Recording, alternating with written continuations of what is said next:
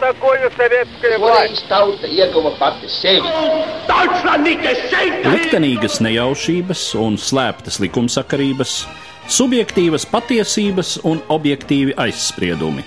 Pēc atkušņa nekad nenāk uzreiz pavasars, bet sākās Arī šodien cilvēki ir ļoti tūredzīgi. Viņi redz to naudu, kas ir. Televīzijā jau pamatā notiek cīņa par varu. Pagātne no šodienas skatu punkta un šodienas caur pagātnes prizmu. Raidījumā šīs dienas acīm. Katru svētdienu Latvijas radio ēterā Eduards Liniņš. Labdien, cienījamie klausītāji! Latvijas atzīšana de jure, uzņemšana pilntiesīgu pasaules valstu saimē. Tā tika ar nepacietību gaidīta visu 1920. gadu. Kārotais brīdis pienāca 1921. gada 26. janvārī, kad Parīzē sapulcējusies Antantes augstākā padome, Lielbritānijas, Francijas, Beļģijas, Itālijas un Japānas pārstāvji bez ierunām atzina Latviju un Igauniju de jure.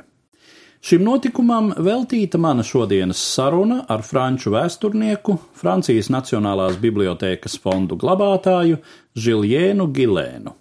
Ar tulkojumu mūsu sarunu nodrošināja Francijas kultūras centra līdzstrādniece Sandra Urtāne. Runājot par Baltijas valstu pirmkārt Latvijas atzīšanu de jure.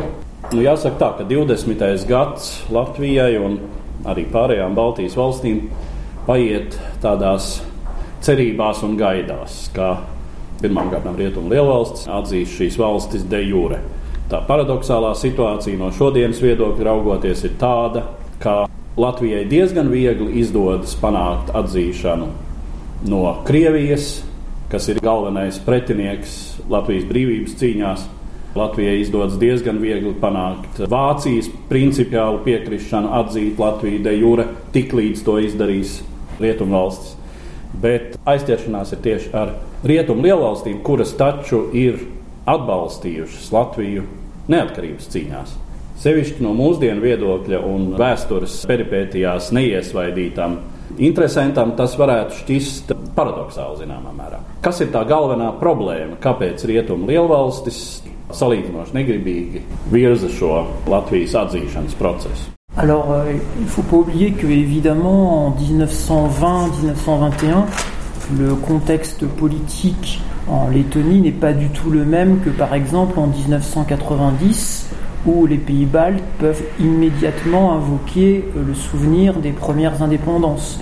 En 1918-1919, les mouvements nationaux lettons, euh, estoniens et lituaniens sont très peu euh, connus en Europe. Ja salīdzinām situāciju, kāda tā bija 1920. un 21. gadā ar situāciju 1990. gados, Jāsaka, bija ļoti fundamentālas atšķirības, jo, ja mēs runājam par neatkarības atgūšanu 90. gados, cilvēku atmiņā bija iepriekšējā neatkarība. 1920. gados iepriekšējo gadu brīvības cīņas bija Rietumē Eiropā ļoti maz pazīstamas, un lai arī cilvēki kopumā izjuta simpātijas pret jaunajām valstīm, kuras tiecās pēc demokrātijas un nāciju pašnoteikšanās tiesību kontekstā tās izpelnījās simpātijas, Pasauli un Eiropu tobrīd pamatā nodarbināja miera un stabilitātes nodrošināšana Eiropā. Šāds miers un stabilitāte atbild gan rietumu lielvaru, gan arī pašu Baltijas valstu interesēm. Līdz ar to var teikt, ka doma par leģitīmas Krievijas varas atjaunošanos Baltijas telpā šajā brīdī joprojām bija aktuāla, jo šajā periodā neviens jau nedomāja, ka padomi iekārta Krievijā pastāvēs ilgu laiku. Bija cerības, ka izveidosies jaunā demokrātiskā Krievija vai atdzims cariskā Krievija, līdz ar to nebija vēlams pārāk ātri atzīt jaunās Baltijas valstis. Celle-ci sera hostile aux puissances alliées, s'alliera avec les Allemands et mettra fin immédiatement aux indépendances baltes.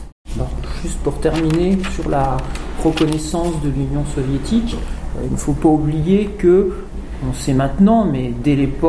Runājot par Latvijas atzīšanu de jure no Padomju Savienības puses, tad ir jāsaprot, ka šajā gadījumā Krievija īstenoja savus mērķus un izmantoja gadījumu. Krievijas mērķis bija iegūt mieru un nostabilizēties, un nekādā ziņā šie mērķi nebija tālāk ejoši. To jau varēja redzēt, ka no tā neizrietēja Padomju Savienībai būtiskas saistības, ko arī parādīja 40. gada notikumi. Jebkurā gadījumā padomju Krievija rīkojās pēc saviem ieskatiem, un var teikt, ka tā bija diezgan cīniska diplomātiska spēle, kad padomju Krievija ar diplomātiskiem instrumentiem īstenoja savas intereses. Kā jau teicu, tobrīd neviens nedomāja, ka šis padomju režīms būs tik ilglaicīgs. Manuprāt, Latvijas un Krievijas mierlīgums šajā aspektā vēl nav pietiekami izpētīts.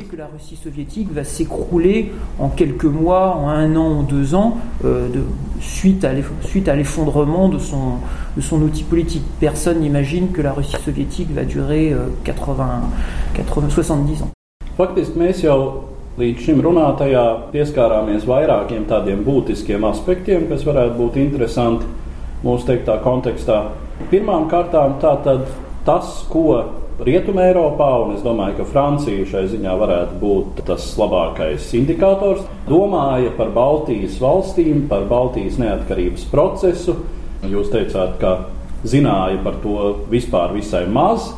Ja jūs raksturotu vēl mazliet detalizētāk, kāds bija priekšstats pirmām kārtām Franču sabiedrībai un arī Franču politiskajai elitei par to, kas ir Baltijas valstis, kas ir Latvija, cik lielā mērā Baltijas valstis tika uztvertas kā vienots veselums, cik lielā mērā bija kaut kāda selektīva priekšstata par to, ka Lietuva varbūt ir kaut kas atšķirīgs no Latvijas un Igaunijas un tā tālāk.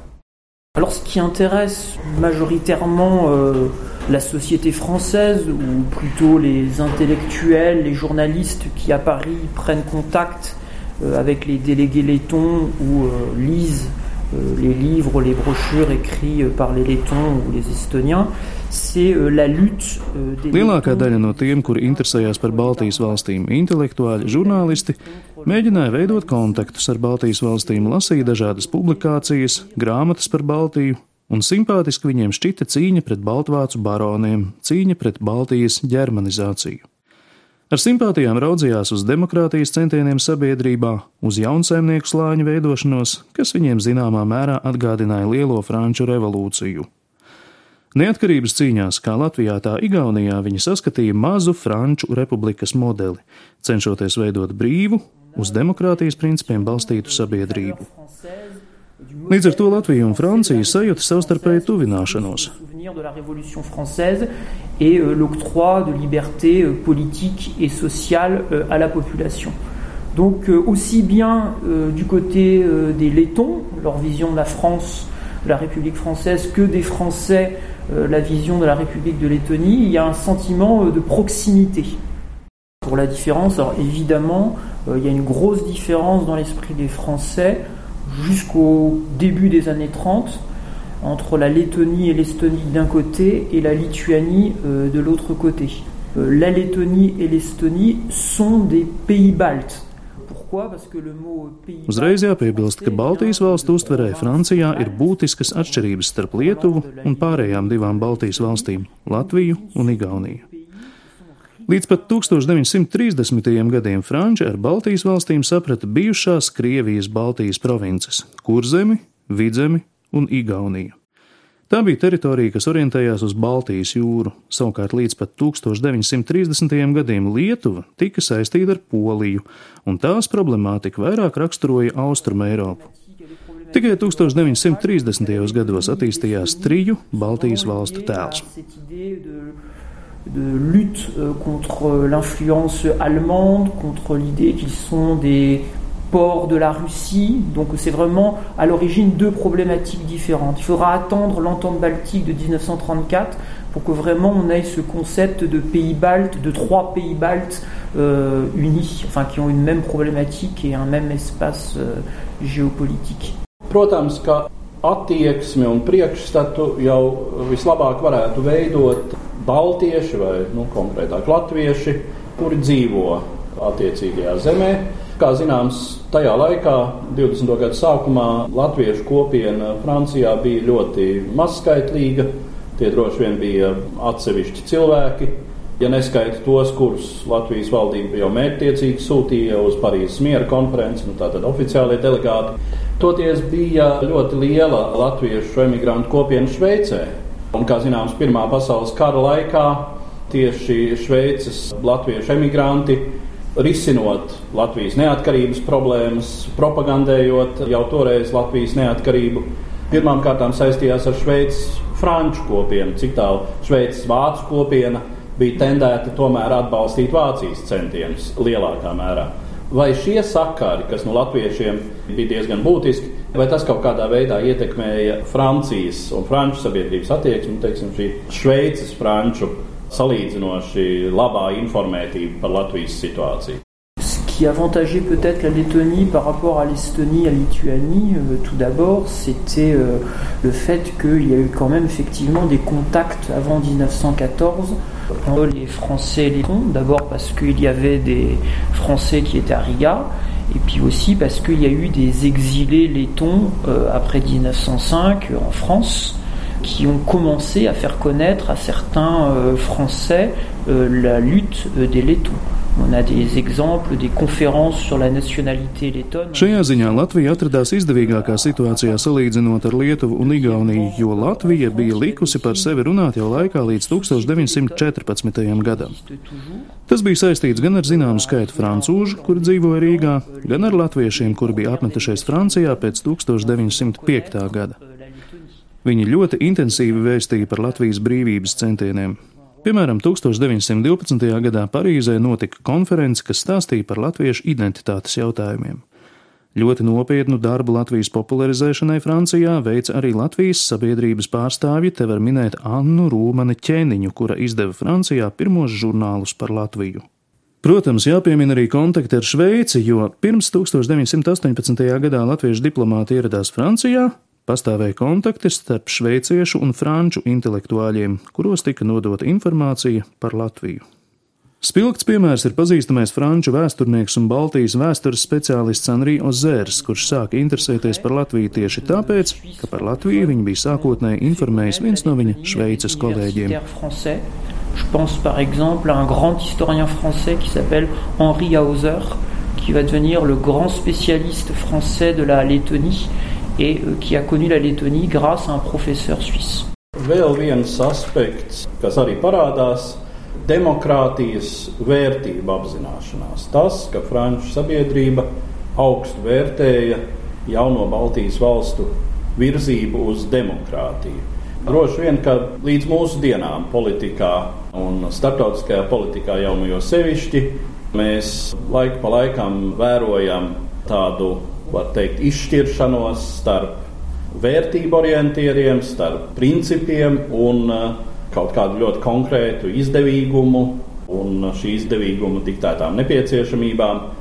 Cik var spriest no jūsu iepriekš teiktā, tātad šim aspektam bija nozīme, bet, uh, nu, ja jūs raksturotu Francijas tā brīža politiku un Francijas politiku, jo sevišķi Baltijas jautājumā, cik šo politiku noteica tādi vērtību orientieri kā demokrātija, kā nāciju pašnoteikšanās tiesības, un cik lielā mērā tomēr Francija orientējās uz tādiem konkrētākiem politiska izdevīguma, politiskas taktikas apsvērumiem Baltijas jautājumā. Oui, c'est tout, le, tout le dilemme et toute la difficulté de la, de la diplomatie française en 1920-1921, concilier à la fois sa sympathie pour euh, les indépendances de petits peuples et son image de puissance protectrice des petits États, d'un côté, et donc sa volonté de construire une Europe nouvelle,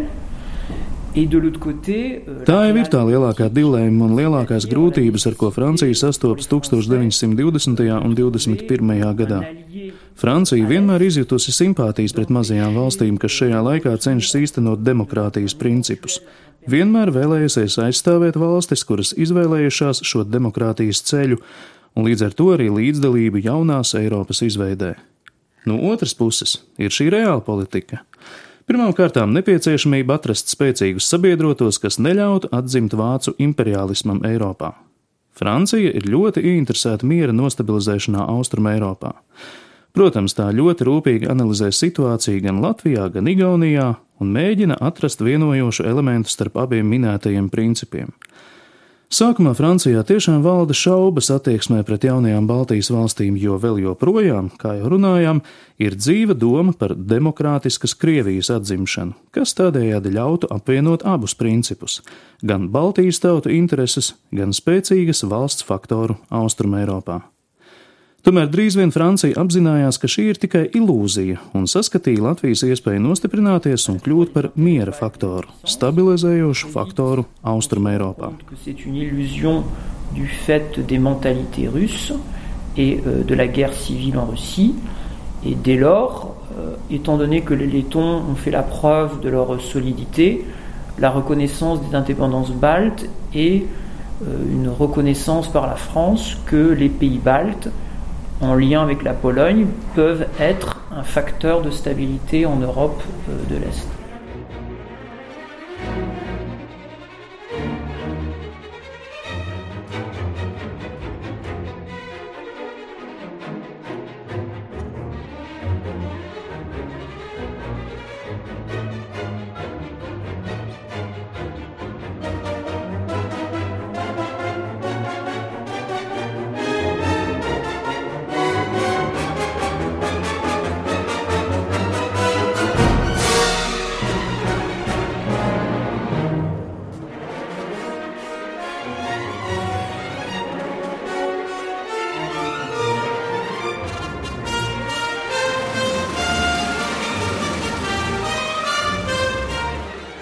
Mūsu šodienas saruna veltīta 90.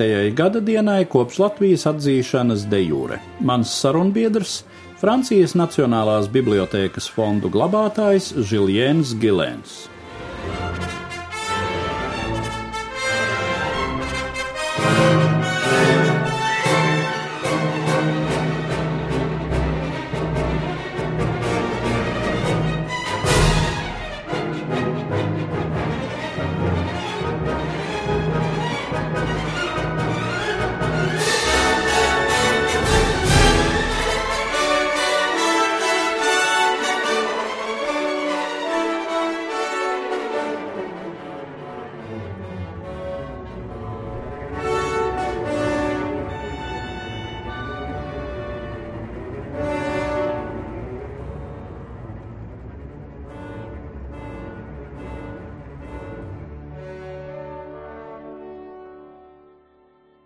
Ja jūs mazliet raksturotu Francijas un citu rietumu valstu pozīcijas šajā laikā, kur ir varbūt kopīgais, kur ir atšķirīgais, kā tas nosaka visu šo procesu? L'Allemagne, j'en ai, ai déjà parlé. Euh, L'Italie est ses positions très proches des pays baltes. Non, le principal, euh, le principal point, c'est les relations entre la France et euh, l'Angleterre. Euh, les Français euh, sont très inquiets de la politique anglaise et ont parfois l'impression, surtout les journalistes, surtout l'opinion publique, que l'Angleterre veut faire des pays baltes des euh, Gibraltar du Nord.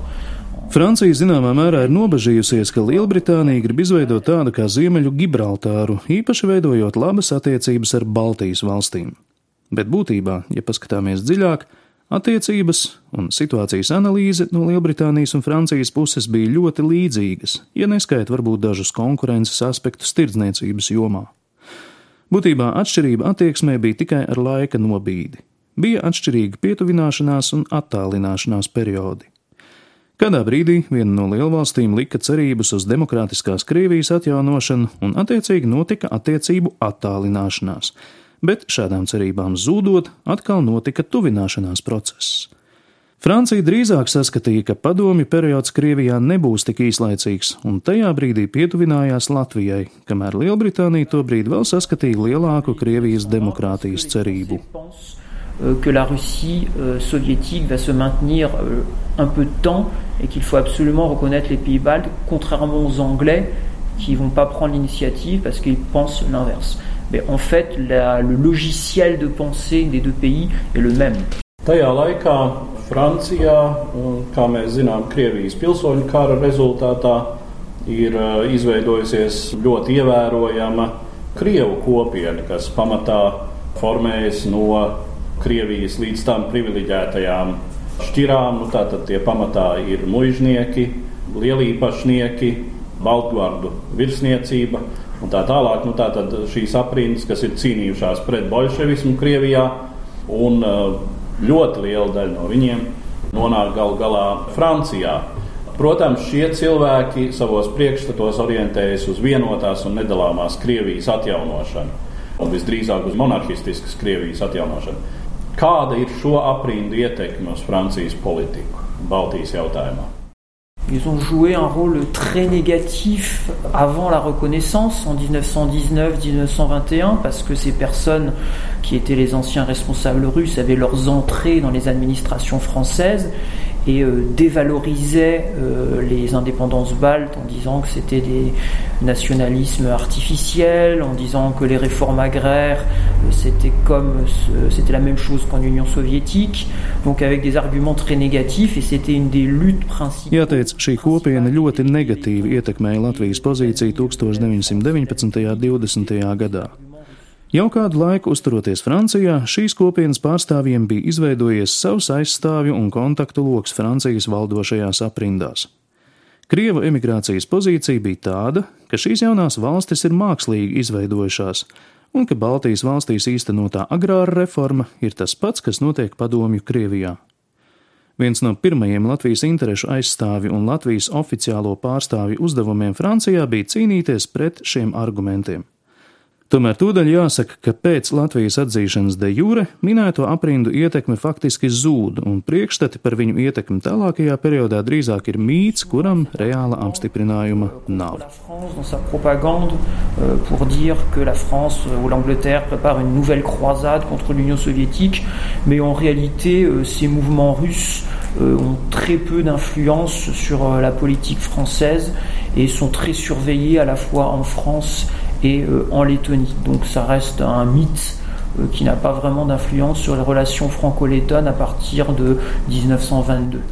Tas vispārīgais secinājums ir lielā mērā tas, ka tieši Francijas izšķiršanās 20. gada beigās un 21. gada sākumā izšķiršanās par Baltijas valstu de jure atzīšanas lietderīgumu, par to, ka uz ātru bolševisma galu Krievijā nevar cerēt, ka ar to ir jārēķinās kā realitāte. Līdz ar to Baltijas valstu pastāvēšana šeit, Baltijas telpā, ir tas rietumu valstīm pieņemamākais variants.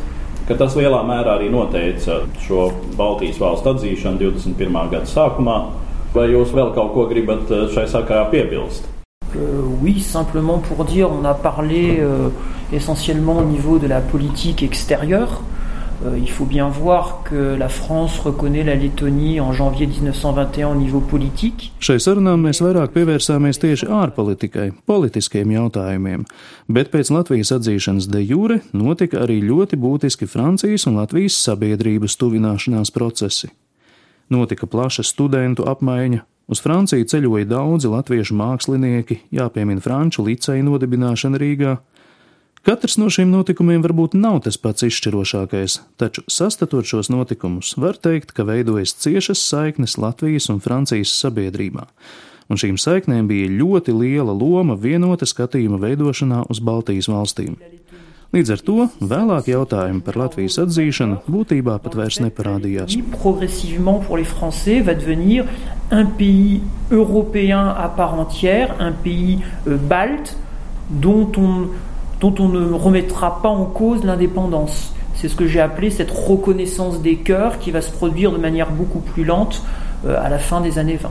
Mūsu sarunas noslēgumā es gribētu pievērsties mazliet citai tēmai, kas nav tieši saistīta ar uh, ārpolitiku un Latvijas de jure atzīšanu, bet ir diezgan nozīmīga Latvijas un Francijas politisko procesu kontekstā. Nu, proti, 20. gadu sākums ir arī Latvijas demokrātijas izveidas laiks. Tas ir laiks, kad top Latvijas satversme.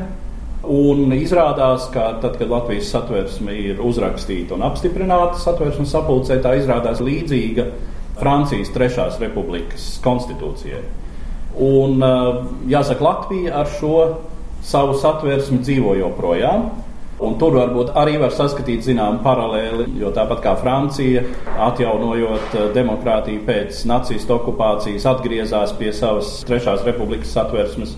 praktiski negrozītas. Tā Latvija, atjaunojot demokrātiju, atgriezās pie savas pirmskara satversmes. Un uh, Francija, kā zināms, ir vēlākajā vēstures procesā savu konstitūciju grozījusi. Un piektā Francijas republika ir politiski konstruēta pavisam citādi. Latvijai šobrīd jautājums par esošās satversmes kvalitāti, raksturu ir, ir visai būtisks. Un tā diskusija ir diezgan aktuāla par to, vai Latvijai nevajadzētu citādu politisko uzbūvi, un tiek runāts tieši par prezidentālu republiku. Vai jūs varētu mazliet raksturot um, Francijas pieredzi šai ziņā? Kas lika savā laikā mainīt it kā ilgu periodu darbojušos šo izteikti parlamentāro konstitūciju, tomēr uz prezidentālu? Un, ja jūs esat gatavs paspekulēt par šo jautājumu, vai Latvijai būtu vērts skatīties uz to Francijas piemēru, pārējot no 4. uz 5. Francijas republiku, no parlamentāras uz prezidentālu pārvaldi. Oui, c'est vrai qu'il y avait des similarités entre la constitution de 1922 euh, et euh, la, la Troisième République, même si la constitution lettonne était encore plus démocratique que la, que la constitution française, avec des emprunts à la constitution suisse ou allemande, hein, avec donc beaucoup plus de, Trešās republikas konstitūcija patiešām bija diezgan līdzīga Latvijas 1922. gada satversmei, tomēr bija arī atšķirības. Satversme bija demokrātiskāka. Satversmē tika ietverti arī tādi elementi, kas raksturoja Šveices un Vācijas konstitūcijas. Piemēram, satversme paredzēja tādu jēdzienu kā referendums, savukārt Francijā referendums parādījās tikai Piektās republikas laikā. Būtībā jautājums par valsts satversmi katrā sabiedrībā tiek diskutēts nepārtraukti, un arī 1920. gados tika uzdots jautājums par to, vai Francijas konstitūcija nav pārāk demokrātiska. Bija tādi sabiedrības slāņi, kuri uzskatīja, ka valsts ir jāreformē, jo ir jābūt daudz stingrākai rokai. Līdz ar to Francijā bija tādi spēki, kas pozitīvi novērtēja 1934. gada Ulmaņa apvērsumu, jo saskatīja, ka tā būs stingrāka politika. Protams, vēlāk viņa skatījums kļuva daudz kritiskāks. Ja runājam par 22. gada satversmi, tad droši vien tā vislabāk atbilda konkrētajai situācijai Latvijā. Varbūt mēs šodien kritizējam to, ka šī satversme ļāva veidoties lielam skaitam politisko partiju. Tas radīja nestabilitāti, bet būtībā jau jebkura konstitūcija ataino sabiedrības situāciju konkrētajā laika posmā. Tas bija laiks, kad Latvija bija ļoti daudzslāņaina, daudz nacionāla, Tas bija periods, kad tika meklēta vienojošā identitāte. Ja runājam par Francijas Piekto republiku, tad arī Francijā vēl joprojām notiek diskusijas par konstitūciju, un tiek uzskatīts, ka ir iespējams tālāks progress šajā jautājumā. Piemēram, kādreizējais Francijas prezidents François Mitterāns ir teicis, ka faktiski šī konstitūcija paredz nepārtrauktu valsts apvērsumu. Tā ka ir spēki, kas apšauba Piektās republikas konstitūcijas pareizību. Būtībā var teikt, ka nekad neviena konstitūcija nav ideāla, bet pats svarīgākais ir mierīgs pārējais process no vienas republikas uz otru, no vienas konstitūcijas uz otru. Lai tas nenotiktu valsts apvērsuma ceļā, jo situācija Eiropā arī vairs nav tāda, kāda tā bija 1920. gados. Euh,